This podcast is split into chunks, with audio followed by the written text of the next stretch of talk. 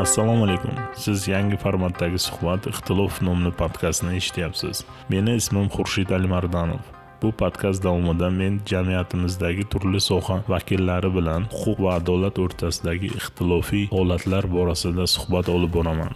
Mandan ko'p o'sha jasiqdan chiqqanimdan ko'pchilik so'raydida so'ragan masalan intervyu olgan kimlardir to'g'risi buni o'sha narsani yana eslashlik bir yana o'sha odam o'sha joyga tushib qolishlikdek gapda. Ba'zi paytda hozir o'ylanib qolaman. Shu darajada qiynoqlar boshidan ko'p o'tganki ba'zi paytda eslab nahotki man shularni hammasiga chidab berdim? Qanaqa kuchmani shunga tura oldim shunga? Bu huquq faoli azam farmonov. U o'zbekistonda rejimi eng qattiq hisoblangan jasliq qamoqxonasida o'n bir yil o'tirdi. Man hozir buni inson sifatida ta'riflaydigan bo'lsak qanday bir jismoniy mumkin emasda bu tushunasizmi? Bu qandaydir bir ilohiy bir qandaydir xudo tomonidan berilgan bir quvvat deydimi? Bo'lmasa mumkin emas. Chunki man yegan tayoqlar man yegan ko'rgan qiyinchiliklar masalan qishni qoq o'rtasida yanvar oylarida minus qirq uch graduslik sovuqlar tasavvur qiling. O'sha paytda batareyalar отоплениялар ishlamaydi. Umuman shunaqa qilib qo'yilgan izolyatorlarga. Xonaga yotqizadi temir karavotga ikkala qo'lga narishni uradi oyoqda remen bilan boylab qo'yadi temir karavotga matrasni deyarli paxtasi qolmagan. Ana shuni ustida soatlab ertalabgacha uxlamasdan qaltirab taqir tuqir taqir tuqir qilib chiqiladi. Masalan e, yozgi kunni issig'ida hoshaning hoshamang qirq besh gradusdan keyin haligi gradusni уже ko'rsatmaydi. Jasliq shunaqa darajada issiq joy qishi juda sovuq yozi juda issiq. Ba'zi paytda qumli shamol tuz qum bo'ronli bo'ladi haligi e, nafas olish qiyinlashadi. Ana shunaqangi joylarda bo'lib chiqdim. Ba'zi paytda o'zim hozir o'zimga o'zim savol beraman. Shu haqiqatda o'n bir yarim yil o'tirib chiqdingmi? Azam o'zimga o'zim savol beramanda. Ba'zi paytda o'zimga o'zim savol beraman ishqilib tushmasmikan bu ham deb qo'yamanda. Chunki dahshat haqiqatdan. Boya aytganimdek ba'zi paytda eslashlik og'irda. И shunaqa holatlar bo'lgan ba'zi paytda juda ko'pchilik u yerda mahkumlar manga qandaydir suyanadi. Qanday desa masalan bu inson huquqlaridan haligi ko'pchilik svidanaga chiqib kelganlar oilalaridan eshitadi farmonov jasiqda yotganligi haqida ozodlik gapiribdi bbc gapiribdi internetda maqola chiqibdi. Buni o'sha huquq himoyachilari chet eldan turib o'zbekistonda turib buni ozodligini talab qilyapti degan gaplar bo'ladi va manga nisbatan ayrim hollarda qiynoqlar bo'ladigan bo'lsa biron bir xodim o'ylab qiladi. Chunki maxsus bir buyruq bo'lmasa qilolmaydi teginmaydi. Endi bilmayman aynan kim komanda bergan lekin обязательно markazdan so'rab kim manga nisbatan qanaqa bir izolyatorga yopish yo qiynoqlar ruhiy jismoniy qiynoqlar qo'llanishi kerak bo'lsa обязательно tepadan so'ralgan bu. Endi bu jasliq e, rejimi qanaqa edi desa masalan o'zbekiston o'zini demokratik davlat deb e'lon qilgan lekin demokrat davlat qonunlari asosida o'sha jinoyat ijroiy kodeksi demokratik qonunlar asosida emas. Hozirgi holatda o'sha jinoyat ijroiy kodeksini agar boshdan oxirigacha varaqlab ko'radigan bo'lsak bunda o'sha demokratiyaga xos bo'lmagan moddalar juda yam ko'p. Э, masalan э, mahkumlarni huquqi cheklangan. Aytaylik o'sha э, jasliqda bir parcha qog'ozni ilib qo'yadida kun tartibi deb belgilab qo'ygan oltida podyum olti o'n beshda masalan fizaretka yuvinish nonushta tushlik kechki ovqat televizor ko'rish va hokazo hokazo. Ma'muriyat tomonidan bir buyruq asosida yoki ichki tartib deb o'sha devorga osib qo'yiladida juda ko'p mahkumlarga hozir ham masalan narushinyalar qo'yiladi. O'sha jasliqda ham xuddi shunday bo'lgan ya'ni ichki kun tartibni buzding deb. Qo'yilgan. Man o'sha paytda o'sha rejimnik deyiladi o'sha kun tartibot bo'limini boshlig'idan tortib muassasa boshlig'igacha aytganman kechirasiz kun tartibi bu kun tartibi siz uchunmi man uchunmi? Man jazo o'tayapman bizlar uchun bizga o'xshagan mahkumlarni yashash sharoiti uchun. Ho'p biron marta biron bir mahkumdan shu kun tartibi sani qoniqtiradimi yo'qmi degan savolni berganmisizlar? Yo'q o'zlari xohlagandek kun tartibini qo'ygan va buni buzishlik bu javobgarlikkacha tortiladi hatto jinoiy javobgarlikka tortiladi. Ya'ni shunaqa oddiy misol mahkumlar o'sha o'z yonida aytaylik soch soqol olish ustaralari bo'lmagan.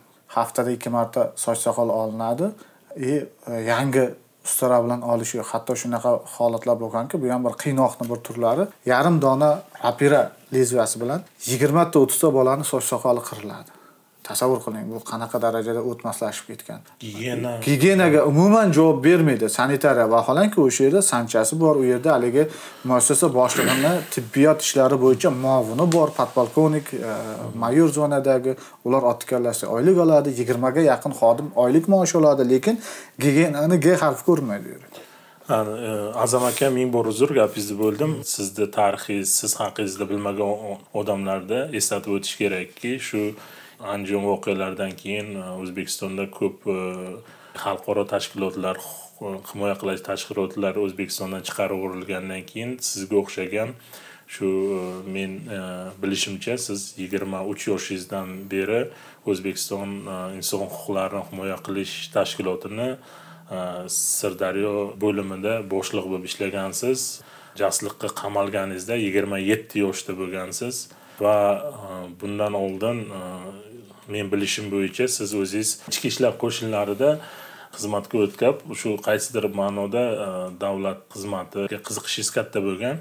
Men tushunishni xohlardim. Nima sababdan siz masalan shu inson huquqlariga yosh bo'lishingizga qaramasdan harakatingiz birovni huquqini himoya qilish mana shu narsa e, qayerdan kelib chiqqanligini tushunishga xohlardim.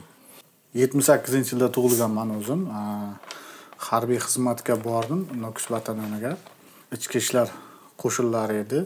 Undan harbiy xizmatdan xullas e, qaytganimdan keyin ichki ishlarga hujjatlar topshirdim. Haqiqatda man ichki ishlar e, ishga kirish niyatim yo'q emas edi. Bor edi qattiq xohlagandim. Lekin bilasizmi o'sha paytlar qanaqa desa shu e, hamma suhbatdan o'zi fizический hamma tomonlama o'tdim mukammal o'tdim. Korrupsiya degan narsa shu mani o'sha ichki ishlarga kira olmasligimga sabab bo'ldi. Ya'ni pul o'sha paytda kimgadir pul berish kerak edi so'z bilan aytmadi lekin qog'ozga yozib ko'rsatdi ikki yuz dollar o'sha paytda. Hamma yo'q bo'lib o'tib ertaga prikaz chiqadigan kuni shunaqa narsa bo'ldi. Man man bu narsadan o'z o'zidan kayfiyatim qaytdi qandaydir e, xohish bo'lmadi mani. Shu orada bir yaqin insonimga nisbatan tuhmat bo'lib qamoqqa qamaldi.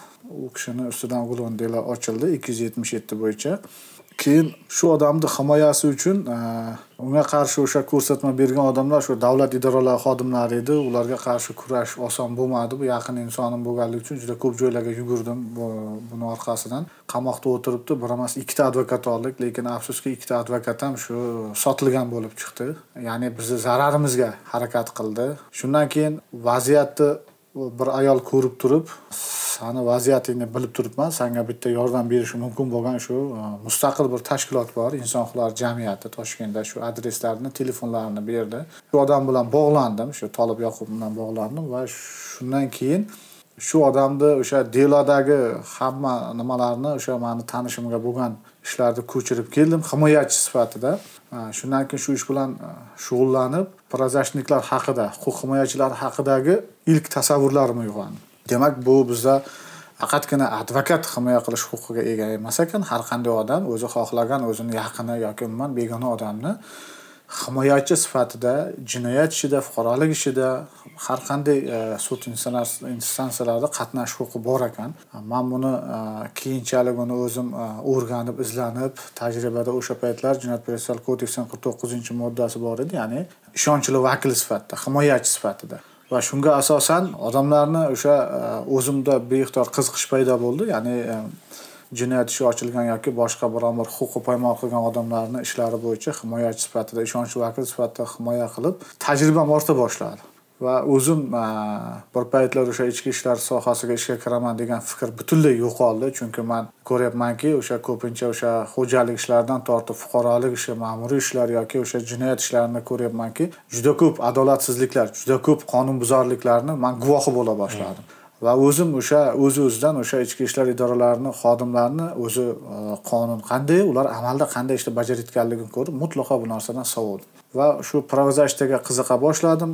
Dastlab manga o'sha huquqbonlikka kirganimda ko'pchilik e, huquqbonlar o'sha o'zbekiston inson huquqlari jamiyatini asosiy vakillari yoshi eng e, yoshi ham qirq besh ellikdan yuqori odamlar oltmish yetmishga kirgan odamlar hammasi pensioner yoki invalid shunaqa odamlar. Keyinchalik buni ham sabablarini tushundim chunki bu soha o'zbekistonda judayam bir haligi nima deydi karimovcha rejim karimcha siyosat paytida o'zbekistonda huquqbonlik sohasi davlat idoralari tomonidan ancha bug'ilgan ekan. Ya'ni bir imkoniyat berilmaydigan bir darajada. Sababi haliyam o'sha o'zbekiston mustaqil bo'lgan bo'lishiga qaramasdan sotsialistik kommunistik g'oyalar hukmron edi o'zbekistonda o'sha paytlar. Va shundan kelib chiqib erkin fikrli odamlarga nisbatan tazyiqlar bor edi.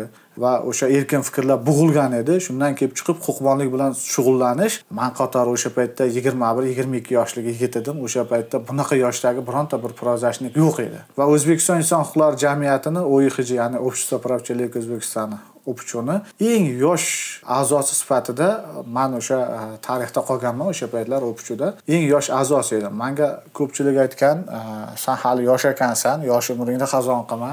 Bu narsada ishlashlik yaxshilikka olib kelmaydi chunki hech qachon hukumat o'zbekistonda inson huquqlari sohasini rivojlanishini xohlamaydi degan ko'p gaplar bo'lgan. Qaysidir ma'noda to'g'ri gap bo'lgan. Qaysidir ma'noda to'g'ri bo'lgan lekin mani qandaydir bir o'zim o'zimni o'sha haligi dunyoqarashimdan kelib chiqib demak hech kim qilmagan ish bo'lsa demak man shu ishni qilishim kerak nimaga endi hamma qilgan ishni qilishim kerak? Man ham bir dunyoga bir marta kelaman bir marta kelgandan keyin bir e, hamma qatori yashash emas bir boshqacharoq hayot kechirish kerak va uni amalda ko'rsatishim kerak.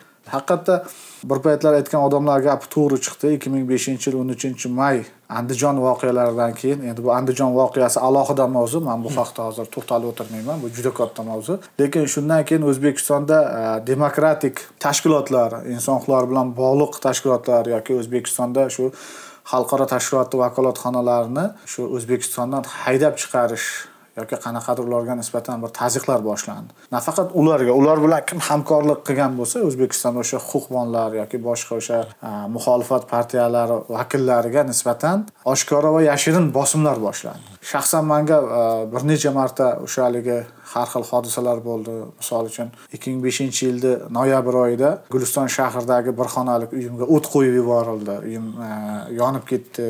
Shundan keyin oshkora o'sha bosimlar bo'ldi. Ya'ni chiqib ketmasang o'zbekistondan yo ishingni to'xtatasan yo chiqib ketasan faoliyat.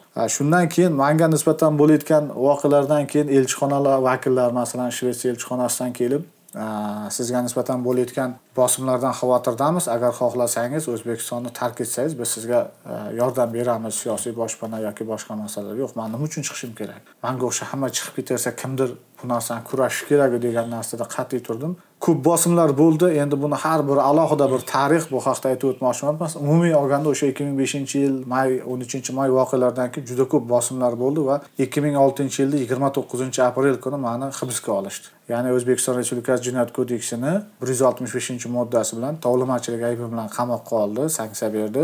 Mani barcha huquqdan mahrum qildi.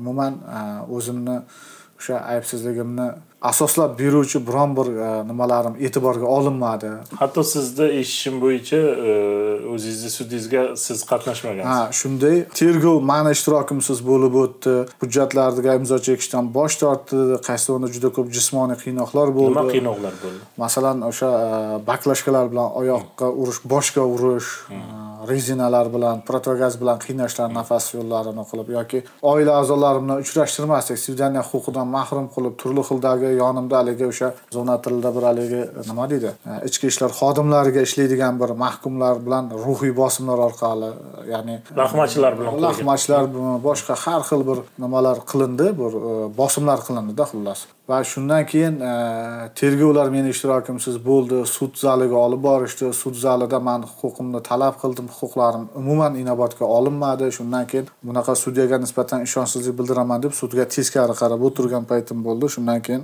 sud mani ishtirokimsiz sudni o'tkazdi. Himoyachimni tolib yoqubovda ishtirok etkazmadi dastlab ishonchli vakil sifatida himoyachi sifatida tolib yoqubovni ishtirokini ta'minladi. Undan keyin qanaqadir buyruq keldimi sudya uni bekor qildi srazi yana bekor qilgandan keyin e, yana boyagidek huquqlarim tiklanmagandan keyin man bunaqa sudyani tanimayman deb o'tirdi shundan keyin bizni turmaga borib tashladi va mansiz sudni o'tkazgan va sirtdan to'qqiz yillik jazo muddatini berdi.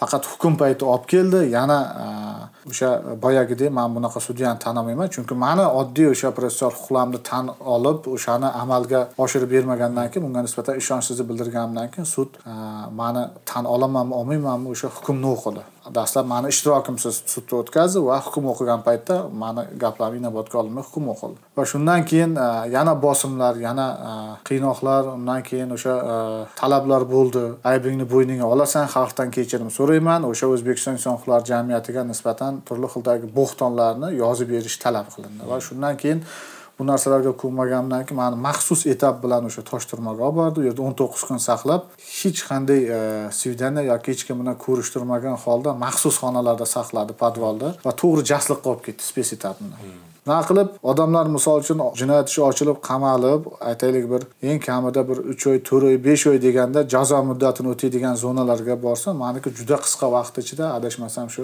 yetmish kunga bormasdan o'sha jasliq zonasiga bordim va mani haqiqatdan maxsus etap bilan ya'ni shu специально shu e, maxsus yo'natilganligimni izohi sifatida jasliqqa kirib borganimda o'sha etapda kirib borganimda familiya ham mani kimligini so'raydi va mani o'zimni familiyamni statyamda aytganimda o farmonov san keldingmi? Bilasan biz seni qachonlardan beri kutyapmiz? Oho va nihoyat kelding mana. Ehi qancha orzu qilib kutgandik seni degan odamlar bo'ldi. Qaysidir ma'noda qo'sh tirnoq ichida spes прием qilgan. Ha shunday shunaqangi maxsus va shunda ham hech qachon man bitta narsa boya aytganimdek haligacha eslasam manga zarulmidi deb qo'yaman. Ba'zida shunaqa gapni eshitganimda mana man keldim. Siz kimsiz o'zi? Ho'p man qonun bo'yicha jinoyat qilgandirman. Lekin man mahkum bo'lsam mani huquqlarim bor. Manga nisbatan ruhiy jismoniy bosim o'tkazishga kim huquq berdi? Chunki mandan oldingi bolalarni dubinkalamni uryapti ko'ryapman. Manga yoki manga o'xshagan mahkumga ruhiy va jismoniy qiynoq o'tkazishga kim huquq berdi sizga? Bu jinoyatku jinoyat kodeksining ikki yuz o'ttiz beshinchi moddasiga asosan bu jinoyat. Kim huquq berdi degan gaplarni gapim. Bular u yerda hali keyinchalik aytgansiz. tikka qirib yuziga ha bularga bunaqa gapni hech kim aytmagan ekan. Jasliqqa o'sha hali mahkumlar bormasdan ruhan cho'kib tamom borar ekan. Qandaydir ilohiy bir xudo qandaydir kuch quvvat berdimi manga duh deydiku haligi bir shijoat berdimi? Manda zarracha qo'rqish bo'lmagan chunki man hamisha o'zimga aytardim qonunni bilaman huquqimni bilaman. Mani ruhiy jismoniy o'tkazishga kim huquq beradi? Hech kimni haqqi yo'q manga degan nima bilan fikr bilan borganman va shu gaplarni aytdim. Bular eshitmagan shu kuni garchi unchalik darajada tegmagan bo'lsa ham oradan keyin qayerlardandir ruxsat olgan so'ragan mani jazolovchi bir harakatlar boshlanib ketdi keyin.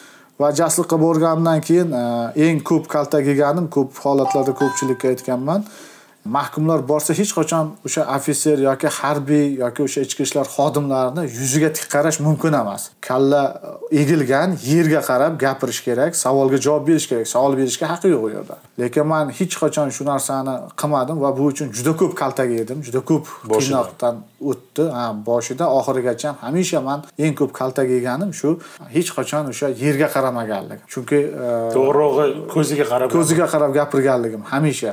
O'sha ko'zingni pastga qil kallangni bo'yningga bo'yningni yerga qarab deb ko'p urardim lekin tik qarab gapirardim. Chunki mani ustozlarimdan biri hamisha aytardiki qo'qbonni eng asosiy anaqasi bu nima deydi taktikasi yoki bo'lmasa o'sha uni asosiy anaqasi.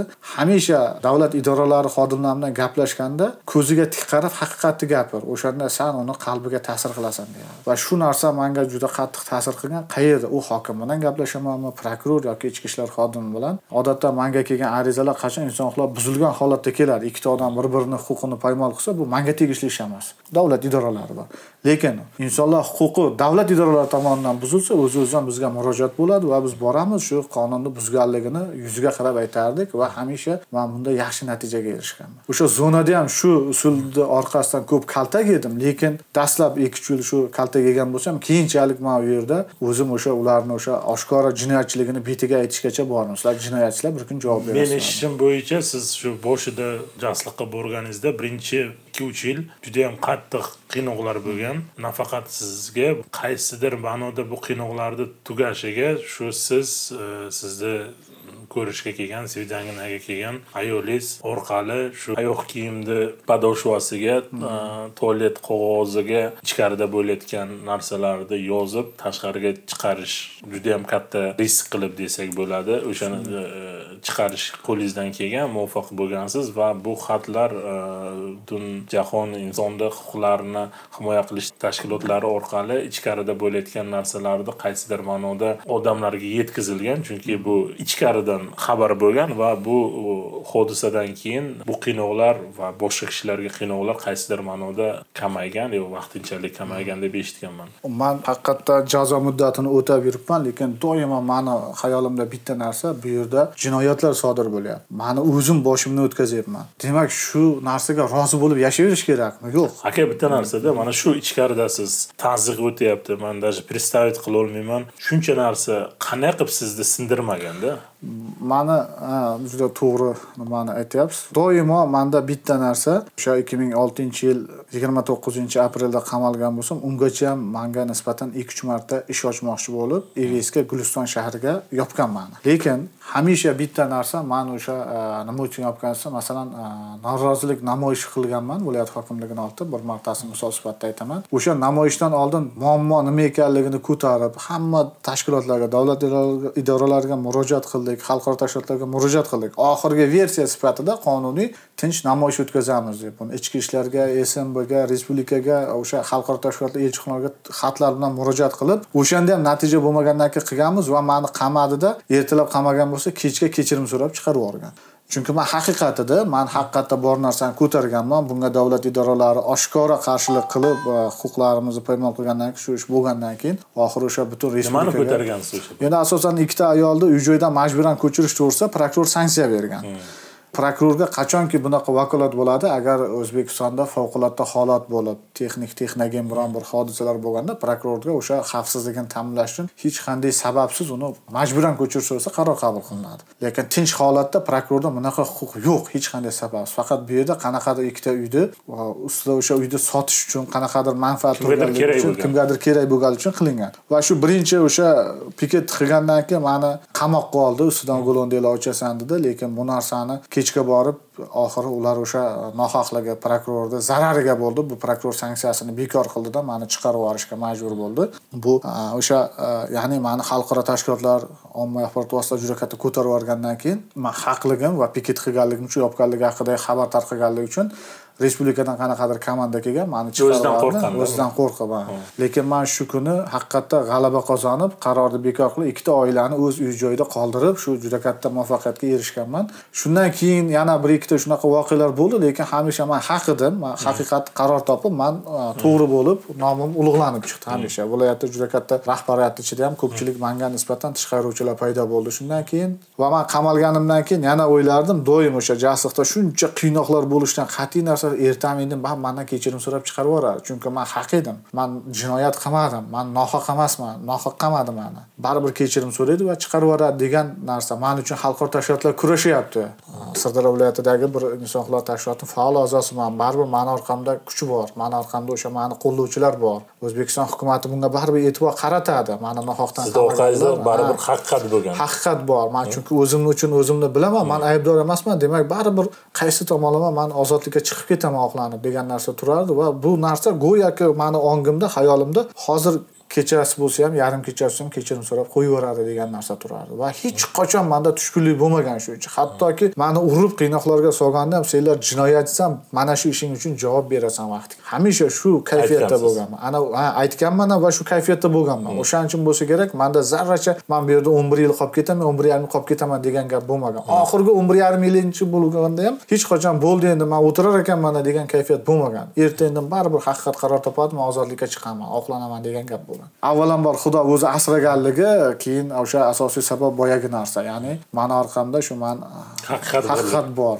Baribir ozodlikka chiqaman degan va shu uchun unchalik darajada ko'p sezilmagan. Shu o'zbekistonda prezident almashishi rejim almashishi oqibatida siz huquq himoyachisi политический заключенный deydi siyosiy mahbus e, sifatida tan olinib e, shu ikki ming o'n yettinchi yil adashmasam oktyabr oyida uchinchi oktyabr. Uchinchi oktyabr oyida ozodlikka chiqargansiz shu o'zizni qolgan muddatingizni shartli ravishda uyda o'tash bilan. Lekin bu orada judayam bir sizni tarixingiz eshitganimda men o'zim bilmagan holda shu taniqli qirg'iz yozuvchisi chingiz aytmatovni и дольше века длится день asarida personajlardan bittasi abu talib va zaripa bo'ladi. Endi o'qigansiz bilasiz o'sha inson o'zini hayotini davomini farzandlarida ko'radi. Mm. O'sha asarda men umuman aytmoqchimanki shu haligi e, huquq tartibot organlarida ishlayotgan odamlarni nima bilan e, motivirovat qilib odamlarga soxta ish qilib ayb qo'yib bu masalan mansabda ko'tarilish e, hmm. davlat tarafdan beriladigan uy boshqa narsalar qilib juda yam chiroyli berilgan har bir har bir kishiga o'qishga maslahat beraman undan tashqari shu ota bilan farzandlar shu даже o'sha poyezdda o'tib ketayotgan paytida ham e, shu xudodan so'rab narsa qiladiki e, shu poyezd o'tayotgan posyolkada bolalarim ko'chada o'ynayotgan bo'lsin hech bo'lmasa oxirgi marta hmm. men xayr deb aytay xayr degan paytim ko'radimi yo'qmi deydi lekin uni o'sha posilkadan o'tayotgani paytida uxlab qolishini xohlab bir kecha oldin uxlatmaydi. Lekin shu falakni gardishi bilan deymizmi o'z farzandlariga xayr deydida o'sha keyingi stansiyaga borganda o'sha narsani o'ziga bo'yniga ololmasdan baribir o'zini poyezd tagiga tashlaydi. Bu yoqda ajoyib mana shu davlat organlari nima endi masalan hammasi emas ko'pi masalan nima bilan motivirovать qilinishi ko'rsatilgan ota bilan farzandi o'rtasidagi narsa juda yam ko'rsatilgan. Sizni taqdiringizda keladigan bo'lsak o'n bir yarim yil o'tirib chiqdingiz lekin e, men eshitganimda shu sizni onangiz ra'no opa sizda shu birinchi srogingiz to'qqiz yarim yil bo'lgan o'sha kutib e, keyinchalik eshitishim bo'yicha yana e, sizga ichki e, tizimni rejimni buzdi deb yana srok qo'shganda adashmasam besh yilmi qancha shu narsani ko'tara olmasdan vafot etgan ekanlar. Bu juda yam achinarli. Bu narsani eslatib o'tishimdan maqsad ichkarida o'tirgan paytingizda shu qiynoqlar bo'lgan paytida hozir orqaga qarasangiz to'g'ri masalan odam yaxshi narsani eslaydi. Qaysidir paytda shu narsalar bekor bo'lgan qilgan faoliyatingiz afsuslangan vaqtingiz bo'lganmi? Yo'q man hayotni shunday tushunaman mana hozir chingiz aytmatovni asaridan aytib berdingiz haqiqatda man o'zi yozuvchilardan eng ko'p o'qiganim shu chingiz aytmatov. Man u kishini shaxsiyatiga juda yuqori baho beraman. Haqiqatdan nobel mukofotini haqiqiy nomzodi bo'lgan va bunga erishgan. U odam o'sha siyosiy jarayondan hattoki o'sha haligi har bir ichki mohiyatigacha juda chiroyli ochib bergan. Masalan o'sha davlat strukturlarida ishlaydigan xodimlarni o'z mansab lavozimini ko'tarish uchun qanchalik darajada ssenariylashtirilgan to'qilgan bir jinoyat ishlarini ochishlik shu darajada chiroyli ochib berilgan. Bu afsuski sssr tarkibida shunaqa voqealar bo'lgan. Masalan davlat sirlarini sotishlik aybi bilan odamlarni qamashlar bo'lgan haqiqatda. ellik uchinchi statya o'zbekistonda ham masalan bir yuz ellik yettinchi statya deydi ya'ni davlat sirlarini sotish. Afsuski bu bugungi kunda ham bor. Man bunga o'nlab misollarni bilaman. Misol uchun endi asosiy savolingizdan ozgina chetga chiqishga majbur bo'lyapman. Chunki o'zbekiston o'zbekiston va tojikiston qo'shni mamlakatlar misol uchun karimov o'zbekistonni birinchi prezidenti islom karimov va tojikiston prezidenti emomali rahmon o'rtasidagi sovuq munosabat bir paytlar sssr davlatida bo'lgan bir voqealarni bir boshqacha ko'rinish sifatida o'zbekistonda ham sodir bo'ldi. O'zbekiston tojikiston ya'ni chegara hududda yashaydigan odamlar jinoyat kodeksini o'sha bir yuz oltmishinchi moddasi bilan tojikiston fuqarosi o'zbekistonga kelsa shpionaj sifatida josus sifatida qamoqqa olinishi o'zbekiston fuqarosi tojikiston hududiga o'tib kelsa bir yuz ellik yettinchi statya jinoyat kodeksi ya'ni davlat sirlarini sotish ayblari bilan hozirda o'nlab yuzlab odamlar qamoqxonalarda o'tiribdi to'g'ri e, o'zbekistonni birinchi prezidenti vafotidan keyin o'zbekiston va qo'shni mamlakatlar bilan xususan tojikiston bilan juda yaxshi qo'shnichilik alomatlari paydo bo'ldi. Kirdi chiqdi yana tiklandi. Ikki davlat fuqarolari bir paytlar bir joyda o'sib ungan dini urf odati an'anasi bir xil to'yi ma'rakasi ham. Lekin o'sha karim diktaturasi davrida bu boshqacha bir e, juda bir ikki davlat o'rtasida munosabatlar juda yam sovuqlashgandi va buni orqasida yuzlab yuzlab odamlarni orqasida minglab insonlar jabr ko'rdi. Afsuski haligacha bu muammo davom etyapti. Man huquqbon sifatida buni hattoki o'sha senat raisi tanzila narboyevaga ham ko'targanman. Bir qancha davlat idoralariga prokuraturaga misol uchun ombudsmanga bir necha marta dalillar bilan bir qancha faktlar bilan olib borib shuni ko'targanman lekin hali ham shunday qolyapti. Albatta bu mani hozir faoliyatimda shuni ustida ishlayapman. Buni davlat darajasiga ko'tarish buni parlamentga ko'tarish uchun hujjatlarni tayyorlayapman bu haqda. Mana shunaqa voqealar bo'lgan. Haqiqatda sr paytida endi bu yana o'zi siz bergan savolga qaytadigan bo'lsak man ya'ni sizda afsus bo'lganmi yo'qmi man huquqbon bo'lganman va buni orqasidan o'n bir yarim yil azob chekdim. Man tufayli oilam juda ko'p azob chekdi. Ota e, e, onam juda ko'p azob chekdi. Otamiz yoshligimizda o'tib ketgan. Aka ukalarim qarindoshlarim baribir ular nima deydi manga o'xshab jismonan qiynalmasa ham ruhan yetilgan. Juda oilam moddiy jihatdan juda ko'p qiyinchilikni ko'rgan. Masalan uchun man o'sha qamalgan paytim gulistonda bir xonali uyda turar edim oilam bilan. Man qamalganimdan keyin tasavvur qiling e, katta farzandim qizim bir yarim yashar keyingi o'g'lim man qamalganimdan keyin bir haftadan keyin tug'ilgan. Va ikkala farzandim oilam chaqaloq bilan hali endi tug'ilgan chaqaloq bilan. Hukumat tomonidan o'sha o'n olti yosh va ikki yoshgacha bo'lgan nafaqalar ham berilmagan oshkora rad etilgan. O'sha ayolim mandan qolib ketgan bir kserokopiya kompyuter bilan shu matn terib haligi ulardan to'rdan tushgan cho'chaqa bilan bolalarimni boqqan. Umuman bu juda qiyin sharoit. Endi man bir intervyumda aytganman ham shu haligi o'tkir hoshim saidahmad haqidagi bir nimani yozganda saidahmadni xotini o'sha yatran mashinkada pechat terib o'shandan topgan cho'chaqaga hattoki saidahmadni oldiga borib uchrashuvga borib hatto svideniyaga dachka olib borgan. Endi to'g'ri man hali o'sha haligi bir o'zimni man saidahmaddek bir ulug' insonga tenglashtirish nimasini aytmayapman lekin hayotimiz juda o'xshash. Hamisha lekin man bitta narsani nima deydi hayotimdan afsuslanmaganman. Chunki to'g'ri haqiqatdan yosh bo'lib juda ko'p qiyinchiliklar ko'rdim. Oilam qiynaldi boya aytganimdek o'zim ham juda ko'p ruhiy jismoniy yo'q men sizni tushunaman. gapingizni bo'lib men tushunamanda prosta bizda eshitayotgan insonlarda ba'zilarida bilaman shunaqa tushuncha bor. Nima kerak edi senga? Nima qilarding o'zing? O'zing xohlab shu narsani qilibsan qonun qonun deding o'tirding. Nima kimga kerak edi? Oilang qiynaldi shunaqa tushuncha bor. Man sizda e, odamda prinsip bo'lishi kerakda bizda hayvonlardan farq qiladigan narsa birovni dardini o'zimizni dardimizdek qilib qabul qilish. sal mavzudan chetga chiqdim lekin shu siz o'sha said ahmad bilan aytgan narsangizni yana bir eslataman o'sha intervyungizda man eshitganman haligi tush ko'rganingiz hmm. haqida chiroyli bir e, gapirib berdingiz. Endi sizni ayolingiz qilgan narsani o'n bir yil davomida farzandlaringiz bilan nafaqat bo'lib o'sha e, eplab qaysidir ma'noda farzandlaringizni menimcha ichkaridagi o'tirgan odamga eng muhimi shu farzandlarim qiynalmasin ayolim qiynalmasin degan narsa bo'lgan o'sha shu narsani eplaganlar ichkaridan bilishimcha sizda shu xatlaringizni mm. Olib chiqqanlar qandaysidir ma'noda bog'lovchi bir zveno bo'lganlarda shu shu narsa judayam intervyularingizda boshqa kishilarda ko'p kishilar hammasi yozadi что sizga shu olloh e, yaxshi ayolni nasib qilgan ekan. Hozirgidek esimda endi boyagi umumiy nimaga boyagi savoldan kelib chiqib man hech qachon hayotimni o'tgan hayotimdan norozi bo'lmaganman.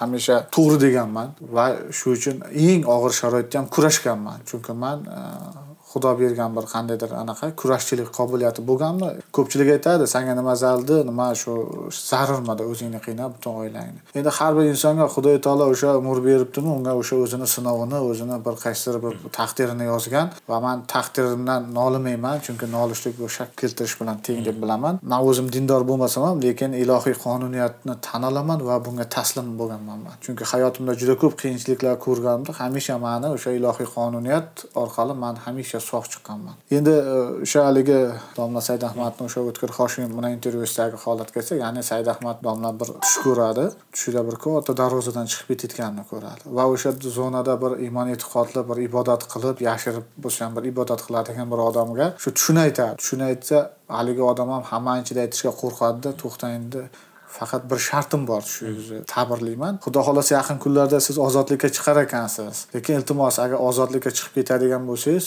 o'zingiz yopinadigan ko'rpangizni manga berib ketasiz chunki o'sha e, sssr davridagi o'sha qatag'on yillarda qamoqxonalar judayam bir qiynoq maskanlari bo'lgan. Bu haqda endi izoh shart emas ko'pchilik o'qigan o'sha sovet davridagi o'sha qatag'on yillari haqida. Ayrim odamlarda shu o'shanaqangi boyagidek imkoniyat bo'lmagan yaxshi ko'rpa olishlik u uchun juda kuchli bir talab qilib qo'yib har qanday qiynoqlarga turib bergan odam bo'lishi kerak yoki qanaqadir bir shunga bir imkoniyat yaratgan odam bo'lishi. Kerak man ham o'sha boya aytganimdek dastlabki ikki uch yil shu juda qiyin jarayonlar kechirganman undan keyin man qonuniy talablar qila boshladim. Senlar jinoyatchisansizlar nima uchun manga tegishli? Har kunlik go'shtimni o'g'irlab yeysan yog'imni o'g'irlab yeysan senlar jinoyatchimisan o'zi manmi jinoyatchi. Mani jinoyatchi sifatida qaramalaring senlar jinoyatchisan dedim va hattoki ko'rpa to'shak matrasimni ham necha yilda almashtirish kerakligini qonun bo'yicha o'rgandim jinoyat ijro kodeksidagi huquqlarimni bilganimdan keyin ichki ishlar xodimlariga dangal aytardim. Kechirasiz man hozir prezidentga xat yozishim kerak manga bitta oq qog'oz bering. Prezidentga mani oyoq kiyim bilan ta'minlamaganligini qo'lidan kelmasa nima uchun qamoqda ushlab o'tirganligini yozaman deb yoki xatlarda shuni yozadi. Bu xat senzura o'qiydi joni chiqib ketadi boyagilar. Bo'lmasa uyimdagilar svidaniyaga kelsa aytaveraman uydan tufli yo'natadi oyoq kiyim yonatadi. Keyin xalqaro tashkilotlarga shuni ko'taradi derdim. Joni chiqib ketib o'sha muassasa ma'muriyati rahbaridan tortib mandan qanaqa shikoyat bo'lsa bajarishga majbur bo'ladi. Vaholanki mani ko'rpam o'n bir yarim yil o'tiryapman endi yangiroq yaxshiroq bo'ladi tabiiy boyagidek huquqlarni talab qila olaman. Man huquqni talab qilganlar ham har kimga har xil munosabat. Masalan mani o'rnimda boshqa bir odam shu huquqini talab qilsa uni izolyatorga olib mayib qiladi. Lekin manga qilolmaydi chunki mani orqamda himoya bor. Bu bo'lgan ish ham ko'chaga chiqib ketadi. U yerda man kurashdim chunki qanaqa yo'l bilan bo'lmasin u yerdagi vaziyatni yozib baribir chiqarib yuborardim. U bitta oyoq kiyimga emas boshqa yo'llar bilan ham ko'p odamlardan chiqarib yuborganman. U yerdagi har bir holat chiqib ketardi bular qanday chiqib ketganini bilmaydi ichki ishlar xodimlari lekin bularga bosim bo'laveradi tepadan. Ishdan ketadi haydaladi. Oxiri man bilan keyin hisoblashadigan bo'ldi xullas. Endi e, o'sha ko'rpam yaxshiroq edi man ham tush ko'rdim. Xuddi shu epizod ya'ni katta darvozadan chiqib ketyapman. Yurib chiqib ketyapman. Shunaqa bir mayin shobada endi o'sha tush ko'rgan kunim oyna oynani yonida yotaman e, oyna ochiq edi. Endi haqiqatda tashqaridan shunaqa havo kirganmi yoki tushimdagi o'ngimdagidek tuyulganmi bilmayman. Haqiqatda shunaqa yoqimli shaboda esyapti. Man ikkita katta e, stoykasi bor bo'lgan bir darvozasimon joydan o'tib ketyapman. Turib chiqdim xursandman. Bir yoqdi shu tush shu tushda aytgandim azamjon ko'chaga chiqib ketar ekansiz ko'rpangizni manga berib ketasiz o'sha haligi aytib bergan o'tkir hoshimov said ahmad bilan suhbatidagi bo'lgan voqea e tushni qanday ta'bir qilgan bo'lsa birga bir to'g'ri. E, haqiqatda hech qancha o'tmay chiqib ketdim. Va nima deydi o'sha to'g'ri keldi. Bu haqda ko'pchilik so'ragan ko'pchilik qiziqqan bundan boshqa o'sha ozodlikka chiqishim haqidagi juda ko'plab nimalar bo'lgan man hayotimda bilganman oldindan sezdim. Chiqib ketishim oz qolganligini ham bilardim hammasini shu voqea o'sha said ahmad hayoti bilan to'g'ri kelganman. Mana shu masalan said ahmadni o'sha qamalgan paytda oilasini qilgan qiyinchiliklari hech qayerda ish bermaganligi hech qanday yordam bermaganligi mani ayolim ham o'sha bolam bilan qolgan qiyin sharoitda. Nimaga so'ragan mahalladan so'ragan hokimiyatga borgan ish so'rab bolalar bog'chasiga u tarbiyachi bo'lib bo'lsam o'tam bermagan ish bermagan hech qanday. Lekin juda qiyin sharoitlar kechirgan. Haqiqatda bir birimizni o'sha said ahmad haqidagi nimalar o'qiyman. Shu o'sha said ahmad o'tkir hoshimov yozgan o'sha qatag'on yillardagi o'sha voqealar zonalardagi voqealarni yozadi. O'sha jasliqdagi voqealar mohiyat bitta shakli boshqa boshqa xolos. Mohiyat ham bir xil. Ya'ni o'sha haligi said ahmad shu qamoqxonada jezqazg'anda bo'lgan jazo muddatini o'rgan o'sha paytdagi haligi laqmachiliklarda zona tilida ya'ni mahkumlarni o'sha uradigan o'sha ma'lum bir ichki ishlar xodimlari tomonidan sharoit berib ularga shu huquq beriladi xuddi o'sha holatlar tergovdagi tergovchilarni o'ta bir nima deydi tupoy deydimi? Qanaqadir bir bilimsizligi jinoyat kodekslarini man o'zimni o'zimga nisbatan ochilgan jinoyat kodeks nimalaridan tashqari bir qancha mahkumlarni o'tirdim. Olib o'qiyman. Bir xil hammasi. Qarang qanday desa. Jinoyat ishi yozyapti ayblov xulosa qasddan g'araz past niyatlarda palonchi pistonchi palonchi pistonchini urib o'ldirish maqsadida g'araz parast ko'pirtirib siyosiylashtirib judayam. Hammaga qo'yilgan ayblovlar shunaqa. Masalan endi mavzudan e, chiqib ketmaylik mayli lekin aytmoqchi bo'lganim o'sha davrdagi e, voqealar o'zbekistonda o'sha mustaqillikdan keyin ham o'sha e, o'sha karimov siyosati davomida shunaqangi bir jarayon yana boshdan kechirildi. Man shu hamisha aytganman qachonki o'sha jasliq Natulka только jasliq o'zbekistonda o'sha mustaqillikni dastlabki yillari karimov siyosatiga ham siyosiy ham huquqiy baho berilmas ekan hammasi уже e, qolib ketaveradi masalan o'sha stalin repressiyasi stalin qatag'oni davriga ham siyosiy va huquqiy baho berilmadi. Aybdorlar jazolanmadi. Vaziyat o'zgarishi kimlardir oqlandi ketdi lekin o'sha vaziyatga siyosiy huquqiy baho aybdorlar jazolanmadi. Va shu uchun o'zbekistonda ham mustaqillikdan keyin yana o'sha eski katta hovlida ko'rgan voqeani yangi xo'jalikda ya'ni yangi davlat mustaqillik yillarida shu narsa yana takrorlandi. Ertaga hech kim kafolat bermaydi bu voqealar yana takrorlanmaydi deb. Shuning uchun o'sha karimov shaxsiga va uni siyosatiga ham huquqiy ham siyosiy baho berilishi kerak. Va shunda o'sha haqiqat qaror topadi yana keyin qaytadan tarix shu narsa takrorlanmaydi deyish mumkin. Hozirgi kunda ham qaysidir ma'noda mana bu sizda oxirgi andijonda shu yosh yigitni arzimagan bir ayblov bilan ushlab shu samosud qilib jazolayman deb o'ldirib qo'yishdi. Masalan do'pposlab narsa qilib komaga tushib qolib shu agar opasi videoga olib chiqarmaganda shu holat bo'yicha intervyuzda man o'qigan edim. Shu qaysidir ma'noda ozodlikka chiqqaningizdan keyin ba'zi narsalarni shu ikki yildan beri yozib aytaman degan narsalarimni aytmay qilaman degan qadamlarimni qilmaganligimga qaysidir ma'noda men ham aybdorman hammamiz aybdor degan narsani aytdingiz. Bu narsalar bo'lib kelyapti. Endi masalan bizda shunaqa tushuncha bor. Aybdormisan ichkariga kirdimi? Huquq shu militsionerlar va boshqalar bo'ladimi? Shu e, inson bilan qamalgan inson bilan xohlagan narsa qilishi mumkin deb o'ylashadi. Lekin balkim shularga qandaydir vakolat berilgan chunki statistika bor ular shu planni bajarishi kerak boshqa narsa qilish kerak. Shu bilan birga E, oxirgi yillarda masalan yaxshi yaxshi qarorlar qabul qilinyapti shu tergov paytida videosyomka bo'lishi jazo jazo qiynoqlar bo'lmasligi deb qarorlar chiqyaptiyu lekin baribir qandaydir siz aytayotgan shu sho'ro davridagi narsa keyin mustaqillik davridagi narsalar davom etyapti. Shu narsalarni to'xtashi uchun nima qilinishi kerak deb o'ylaysiz? Endi to'g'ri haqiqatda e, masalan bu sohada aynan o'sha ichki ishlar sohasida avvalgiga nisbatan hozir o'sha qiynoqlar ancha kamaygan. Misol uchun man o'sha o'z boshimdan kechirgan kunlardagi o'sha qonli voqealar masalan jasliqda o'sha shafqatsizlarcha kaltaklanib ommaviy qiynoqlar bo'lardi. Butun zona qiynoqlarga solinadi. Kimnidir burni singan kimnidir qo'li singan kimdir o'lgan. O'sha tergov izolyatorlarida o'tirib dod faryodlarga masalan iveslarda o'tirib boshqa xonada bo'layotgan qiynoqlarni eshitib odam dahshatga tushar edi. Man misol uchun o'sha jasliq qamoqxonasida o'tirgan paytim mani maxsus etap bilan jasliqqa xalqaro qizil xochdan boshqadan komissiyalar borsa mani nukus turmaga nukus turmaga borsam qo'ng'irot turmaga. Qo'ng'irot turmaga borsa bular nukus shaharda ivesiga olib borardi olib qochib yurardi doim lekin shu yerlarda eshitganman man o'zim haligacha anaqa qilaman e, kechagina bo'lganda man bu xonada o'tirgan bo'lsam narigi xonada dahshatli faryodlar urib qiynoqlar dubinkalar bilan shunaqa qiynoqlarni eshitib odam e, o'zi luchi kaltak yaxshi o'sha ruhiyni eshitgandan ko'rada shunaqa qiynoqlar. Endi bugungi kunda o'sha e, qiynoqlar kamaydi to'g'ri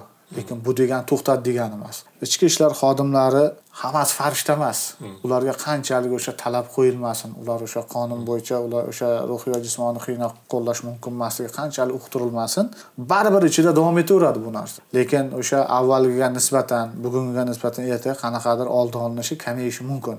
O'sha andijonda o'sha qiynoqdan o'ldirgan bu holat bu bugun bo'lgani yo'q. Bu hali davom etyapti. Hozir ham bor bo'lishi mumkin. Yana davom etishi mumkin. Lekin mana shunaqa voqealar bo'lgan paytda unga jazoni muqarrarligini hukumat ta'minlashi kerak. O'shanaqa xodimlarni o'sha qo'l ostida saqlanayotgan mahbusga nisbatan qanaqa muomalada bo'lishi o'sha mumkin mumkin emasligi haqidagi doimiy nima eslatmalar berib turilishi kerak. Hukumat mana shuni oldini olish uchun chora qilish kerak to'g'ri bu degani butunlay to'xtaydi degani emas. Masalan o'zbekistonda o'sha hatto har bir o'sha turmalarga iveslarga kameralar o'rnatiladi. Kameralar ham har xil bizda buni turli xildagi yo'llari qilindi. Yaqinda bir militsiya xodimi bilan gaplashib qoldim. Bir hech qanday bir anaqasiz tasodifan. U mani kimligimni bilgani yo'q bir voqea bo'lyapti. Valyuta bozorida bir valyutchik haligi dollar bilan qora savdoda bir odamni qaqshatyapti puldan aldayapti aldagandan keyin boyagi keyin tan olmayapti man to'g'ri berdim deyapti. Militsiya xodimi bunga aralasholmayapti даже. Keyin qaramaysizmi nima bo'lyapti e deydi aka deydi eski zamon bo'lganda edi buni deydi olib kirib deydi yigirmata dubinka bersak sayratib yuborardik qanchasini yashirganini qanchasiga uxlatgani haqida. Hozir mumkin emas militsiyani tarafini oladigan odam qolmadi. Hozir ustimizdan yozib beradi darrov bizni prokuratura ustimizdan ish ochadi endi har qanday holat ular o'zini oqlab bu degani bu o'sha urushi mumkin degani emas yoki bo'lmasa uni aybini bo'yniga majburan qo'yish kerak degani emas. Masalan amerikada ham shunaqa taktika yo'q ya'ni qiynoqlar bilan bo'yniga qo'yish lekin ular qonuniy har birini asoslab qonun doirasida asoslab beradi. Endi bizda afsuski eskidan o'sha boyagidek usul biron bir odam jinoyat qildimi uni osonlikcha hamma ham o'z qilgan jinoyatini tanamaydi e, eng yaxshi usul o'sha urug' qiynoqlarni bo'yniga qo'yish va bu oxiri shunaqa bo'lib ketganki umuman aybi yo'q odamni ham xohlagan aybni qo'yib urib qiynoqlar bilan bo'yniga qo'yish oddiy holga aylangan. Va bu sohada o'shanaqangi ishlar bilan suyagi qotgan xodimlar ishlab kelayotganligi hali ham. Endi yangicha zamonaviy o'sha qonun bo'yicha ishlaydigan o'zini ishini ustida o'sha halol ishlaydigan odamlarni jalb qilish kerak. И o'sha zamonaviy texnologiyalar qo'yish kerak kameralar har bir. И undan tashqari o'sha boshqa davlatlarda ko'p man buni e, eshitganman bu haqida bilaman. Masalan fuqarolik jamiyatini o'sha e, nimalarni ishtiroki ya'ni o'sha qamoqxonalardagi e, jamoatchilik nazoratini kuchaytirilishi bir shunaqa narsa oldini oladi. Jinoiy javobgarlikni kuchaytirish masalan. Ruhiy va jismoniy qiynoq qo'llash nima? Nari borsa o'n yillik jazo. Besh yildan o'n yilgacha. Aksariyat holda yetti yil olti yil besh yil срок beradi bu bunaqa holat uchun. Bu bir yil ikki yil o'tirmasdan yana ozodlikka chiqib ketyapti. O'sha jinoiy jazoni kuchaytirish kerak va o'sha nazoratni kuchaytirish kerak. Xodimlarni o'sha keyin kasbiy nimasini oshirish kerak. O'sha narsa bo'lmasa bu e, davom etaveradi. Boya aytganimdek hamisha bo'ladigan narsa lekin oldini olish mumkin kamaytirish mumkin. Azam aka hozirgi kunda siz mana men bilaman siz o'zingizni inson huquqlarini himoya qilish tashkilotini e, ro'yxatdan o'tkazdingiz e, hmm. sizga litsenziya berishdi adliya vazirligi men sizni bu bilan e, tabriklayman rahmat. Hozirgi kunda qilayotgan ishlaringiz haqida qisqacha aytib bersangiz hozir bu ozodlikdan ozodlikka chiqib kelgandan keyin shu ko'proq tashkilotni yuridik ro'yxatdan adliya vazirligidan ro'yxatdan o'tish ustida juda ko'p ishladik. Biz o'sha qayta qayta topshirdik hujjatlarni. Bir necha marta qaytardik. Kamchilik topdi. Oxiri o'sha adliya bilan muloqotga kirishdik oxiri.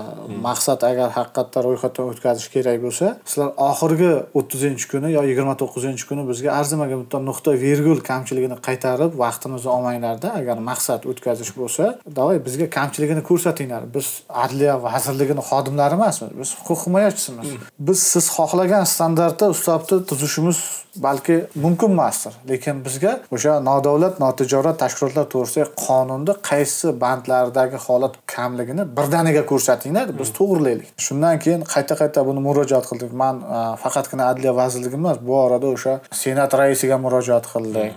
Davlat rahbaridan tortib umuman hamma sohaga shu o'zbekistonda o'sha inson huquqlari tashkilotlarini nodavlat tashkilotlar ro'yxatdan o'tkazilmayotganligi haqida tinimsiz shikoyatlar qildik va oxir oqibat shikoyatlar bilan birga o'sha muloqotga ham chaqirdik davay bizga maqsadlaring nima? Bizni maqsadimiz mana shunday shunday biz buzg'unchi bir tashkilot emasmiz. Biz o'sha fuqarolik jamiyatini vakilimiz biz shuni o'zbekistonda fuqarolik jamiyati va rivojlantirish maqsadimiz. Demokratiyani asosiy prinsiplaridan biri bu fuqarolik jamiyatini rivojlantirish. Shu narsalarni ko'tardik o'zimizni g'oyalarimizni o'sha to'g'ri talqin qilib bera oldikmi? Xullas bizga kamchilik kamchiliklar ko'rsatdi biz buni to'g'irladik rasmiy ro'yxatdan o'tdik. O'n birinchi mart kuni ro'yxatdan o'tgan bo'lsak adliya vazirligidan undan keyin hali pechat shtampga buyurtma berib buni olib e, ulgurmasimizdan karantin e'lon qilindi. O'zbekistonda xabaringiz bor o'sha pandemiya covid o'n to'qqiz nimasi infeksiyasi orqali. Shundan keyin faoliyatimiz e, to'g'ri biz hozir biz o'zimiz boshida plan qilgandikki bir toshkentda bir birlashmamizni ofisini ochib bu yerda o'sha xalqaro tashkilot vakillarini o'sha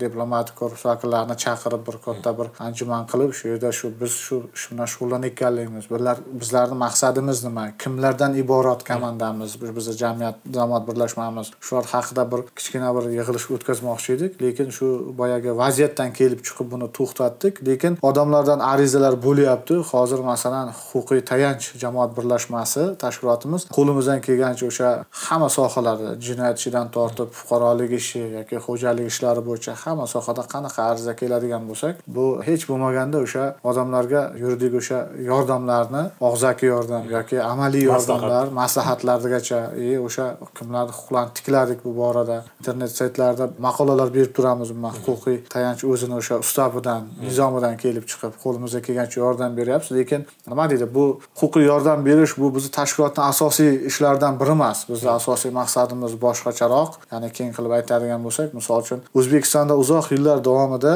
huquqbonlik sohasi deyarli o'lim holatiga keldi reanimatsiya holatida ko'pchilik o'ylagandiki bu sobiq siyosiy mahkumlar bo'ldi endi. Bu endi chiqqandan keyin umuman bu sohaga yaqinlamaydi deb o'ylaganlar ham bo'lishi mumkin. Hatto bizga aytganlar ham bo'ldi qo'y endi nima qilasan?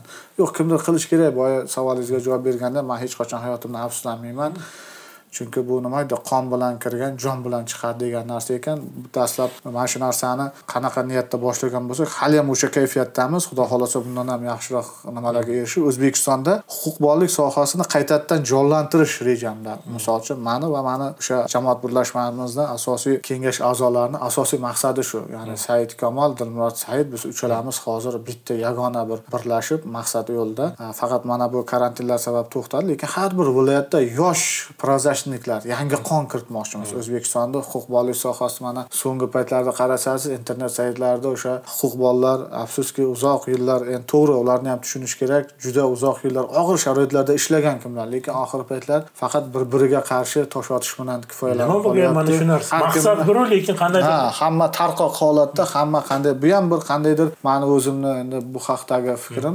Hamon o'sha e, eskicha kayfiyatdagi odamlar eski davrda bundan besh yil o'n yillar oldin yoki to'rt besh yil oldin huquqbonlarni orasida bir biriga qarshi haligi bo'lib tashlab boshqar degan bir siyosatni hozir man yana davom etyapti deb aytolmayman balki bu boshqacharoq ko'rinish olgandir. Lekin mana shunaqa nog'oralarga o'ynayotganlar bor. Man bu narsalardan umuman yurolman man shunaqangi bir birovga loy otish yoki shu bir komandada bo'lib ikkinchi tomonga qarshi bo'lishdan yurolman ko'pchiligi man tomonda bo'lmaganliging san mani dushmanim degan qarashlar ham yo'q emas. Lekin man neytral pozitsiyadaman kim nima ish qilsa qilaversin lekin mani oldimga qo'ygan maqsadlarim bor. Xudo xohlasa boya aytganimdek o'zbekistonda har bir viloyatlarda yaxshi yaxshi yosh yosh o'ta bir e, huquqbonlik borasida aynan qonunshunoslik borasida yaxshi bir bilimga ega bo'lgan yoshlarni jalb qilib ularga o'quv seminarlar treninglar tashkil qilish va shu sohaga shu e, o'zbekistonda uzoq yillar yo'qolib mana qarib o'lim holatiga kelgan prozashlarni tiriltirish uchun hozir juda katta bir planlar qilyapman. Xudo xohlasa buni yo'lga qo'yaman chunki dastlab o'sha ozodlikka chiqib kelgan paytimiz ham ko'pchilik odamlar aytdiki "Ha, yana nima qilar ekanmi bo'ldi endi tugadi bu ishni yig'ishtirsa bo'ladiku degan narsalar ham bo'ldi shunaqa gaplar ham. Lekin maqsadimizdan qaytmadik va biz kimdir o'ylaydi har xil tushunadi. Masalan o'zbekistonda haqiqatda inson huquqlari tashkilotini oxirgi marta ezgulikdan keyin hech kim ro'yxatdan o'tmagan. Bu oson bo'lgani yo'q. Bu sirtdan bizni bu ro'yxatdan o'tishimiz kimlargadir bir boshqacharoq ham tuyuldi. Hatto orqamizdan har xil fisq fasod gaplar ham bo'ldi. Bu qanaqadir bir dogovor bo'lgan qanaqadir kelishuv bo'lgan shuncha ro'yxatdan o'tkazdi bir sabab bor degan piching gaplar ham bo'ldi.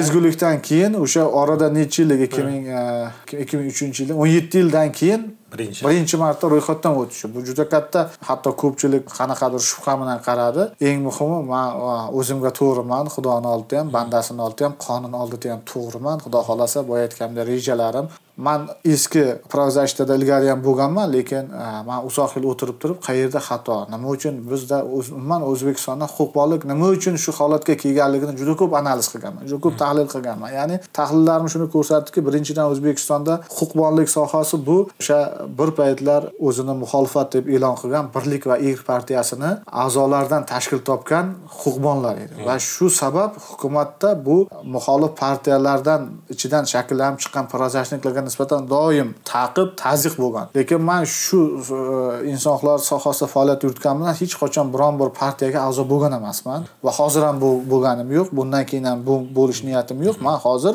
o'zimni soham ya'ni bu prozashda alohida narsa siyosiy partiya bu alohida narsa. Bizda mana shu narsa ikkalasi bir biriga bog'lanib ketib hukumat hech qachon prozashniklarga nisbatan yaxshi ko'z bilan qaramagan o'rtada juda katta jarlik paydo bo'lgan. Man hozir e, mana shu holatga barham berish uchun o'zbekistonda boya aytganimdek huquqbonlik borasida prozashtaga yangicha qon kiritish maqsadim bor yangi prozashniklarni va hammasi yaxshi yuridik ma'lumotga ega bo'lgan bolalarni ko'proq yoshlarni jalb qilish niyatidaman. Bu endi buni amalga oshirish uchun обязательно man bayroq ko'tarib yoki haligi e, namoyish qilishlik bilan qilish shart emas qonuniy qanaqa shunaqangi bir e, huquqbonlik borasini jamoat tashkilotlarini fuqarolik jamiyatini rivojlantirish to'g'risida qonunlarimiz bor o'shalar asosida joylarda shularni targ'ibotini qilib shu narsani joriy qilmoqchiman. Huquqbonlik prozashnik desa ko'pchilik haligacha hadiksirab o'sha sohaga o'tishlikdan yo shu sohani odamlari bilan birga bo'lishdan haligacha hadiksiraydi odamlar. Chunki xalqimizni mentaliteti uzoq yillik siyosiy e, nima jarayon sabab shunaqa holatga kelib qolgan to'g'risi. Lekin mana shu qo'rquvni mana shu vahimani yo'qotish kerak. Bu uchun albatta boya aytganimdek yosh yosh huquqbonlarni o'sha nimalarga shu sohaga jalb qilish kerak. Xalqni ham hukumatni ham o'zbekistonda prozashita huquqbonlik degan narsaga fuqarolik jamiyatiga nisbatan fikrini o'zgartirishimiz kerak. Fikr o'zgargandan keyin o'z o'zidan jarayon yuradi. Mana shuni qilishlik uchun yana eskicha haligi ishlash eskicha tosh otishlar emas biz amalda boshqa ishni qilishimiz kerak. Bugungi kun talabi shu mana shu ishni qilmoqchiman. Sizni qilmoqchi bo'lgan ishlaringizga muvaffaqiyat tilab qolaman. Bu ixtilof podkastining birinchi epizodi edi. Oxirigacha tinglaganingiz uchun rahmat. Keyingi epizodlarda advokat huquqshunos va davlat huquqini himoya qilish xodimlari bilan suhbat bo'ladi. Bu suhbat davomida hammamiz o'zimizni huquq va majburiyatlarimizni yaxshi tushunishga yordam beradi deb o'ylayman. Hozircha xayr keyingi epizodlarda uchrashguncha.